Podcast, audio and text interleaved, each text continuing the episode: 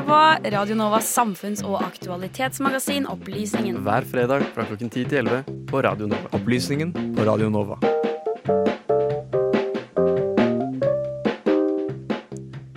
Og nå, Daniel, nå skal vi snakke om Chile, for der ønsker de å velge seg en president etter hvert. Og eh, for øyeblikket nå, etter første valgrunde, så ligger det an til at uh, den ytre høyre-kandidaten, for jeg kan vel kalle han José Antonio Cast, leder over uh, konkurrenten Gabriel Boric. 28 mot 25 ut av første valgrunde. Og i, desember da skal de møtes for å avgjøre hvem som blir presidenten. Kan du ikke fortelle oss litt om uh, situasjonen i Chile akkurat nå, Daniel? Jo, altså Kast leder jo uh, dette presidentvalget uh, så langt. Uh, og han er jo en populist, men i motsetning til andre land i Sør-Amerika og USA for den saks skyld med Trump for noen tid tilbake, så er Chile et litt annerledes land. Fordi at de har gått fra å ha diktatur til nå å være et demokratisk land på linje med Vesten, og har også en god økonomi. Ja, for det var jo sånn at eh, Augusto Pinochet styrte i uh, Chile fra en gang på 70-tallet. Husker jeg ikke eksakt årstall, men fram til da 1990. Og leda et, sånt, et relativt brutalt regime da. Og så har det gått ganske greit siden, kan vi vel si. Det er riktig. Det har vært eh, gode demokratiske prosesser. Uh, og ifølge World Freedom Index og sånne demokratiindekser så, så, er det et velfungerende demokrati i dag. Og noe av det som er spesielt i motsetning til andre land i Sør-Amerika, er bl.a. at eh, presidenten kun kan sitte i én periode om gangen. Ja, men Du fortalte meg jo før vi gikk inn her at det, det fører til litt sånn spesielle ordninger der du har fortsatt få kandidater, eller få, få faktiske presidenter, men de bare sitter eh, i tandem, eller åssen er dette? Ja, ja, det blir litt som at eh, Eh, med forrige Solberg-regjering at det først det skulle vært Erna Solberg som statsminister, og så skulle Bent Høie tatt over, og så skulle det vært samme regler med Arbeiderpartiet nå, da.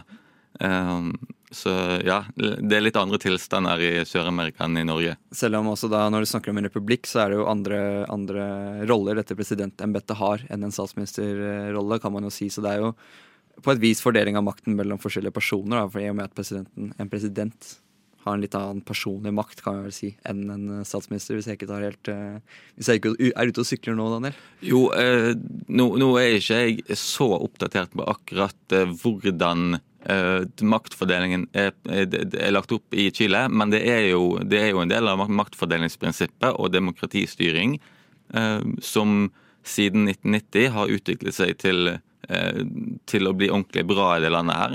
Og det fører jo også til at Chile er blant eh, eh, de gode, eller de, de, de, sterke økonomiene i verden. De har siden 2010 vært en del av OECD og regnet som, eh, som en moderne stat, sånn sett. da. Men i tillegg, da, helt fra 2019 og fram til egentlig i dag, så vidt jeg har lest meg på, så har det vært store protester i de store, de store urbane områdene i Chile, og da spesielt kanskje rundt Santiago. Hva, hva, foregår disse Jeg vet vi har snakket om det før i opplysningen, men for å oppdatere folk, da, hva er disse protestene? Hva er det de går ut på?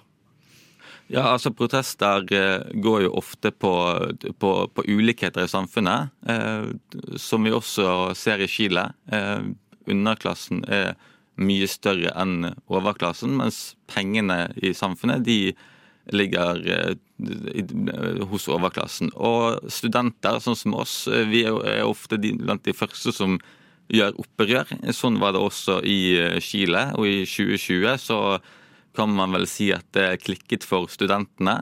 Eh, og de, de satte i gang et opprør. Men det som er litt spesielt, er at hvis man sammenligner det med de andre landene i Sør-Amerika, sånn som eh, Colombia eller Venezuela og sånn, så, så, så, ser det ut til at de voldsomme demonstrasjonene som var i Chile i 2020, er i ferd med å gi demokratisk utfall.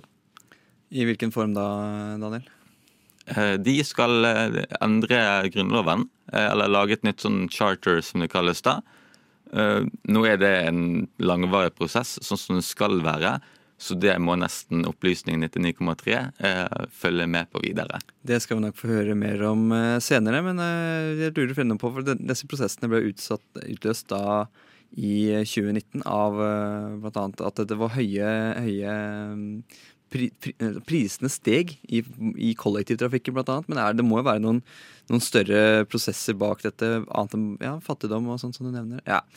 Det er, jo, det, det, det er riktig, det. det. startet med de kollektivprisene, og det er jo et sånt symbol som ofte eh, man kan gjenkjenne hos eh, middelklassen og de som ikke har så mye penger. Sånn for at de må de må ta kollektivtrafikk, og, og hvis prisene øker, så får det mye større innvirkning på de enn på, på, de rike.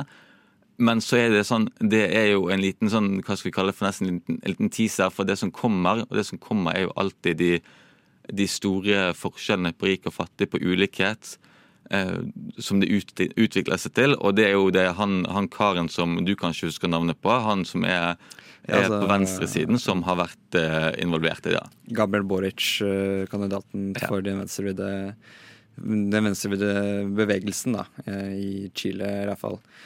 Partiet hans er iallfall et, et venstrevridd parti, for å si det sånn. Men poenget jeg ville komme fram til, da, som du også pekte på, er at det er ikke kun disse, disse kollektivprisene som gjør at du får to år med, med opprør i et så velfungerende, tilsynelatende velfungerende land som det Chile er. Nå tror jeg vi skal dekke Vi skal nok komme tilbake til disse presidentkandidatene og Chile senere, for det er mye å ta av der. Men nå må vi gå videre. Vi skal høre Åse og Jada Jada her i Opplysningen på Radio Nova.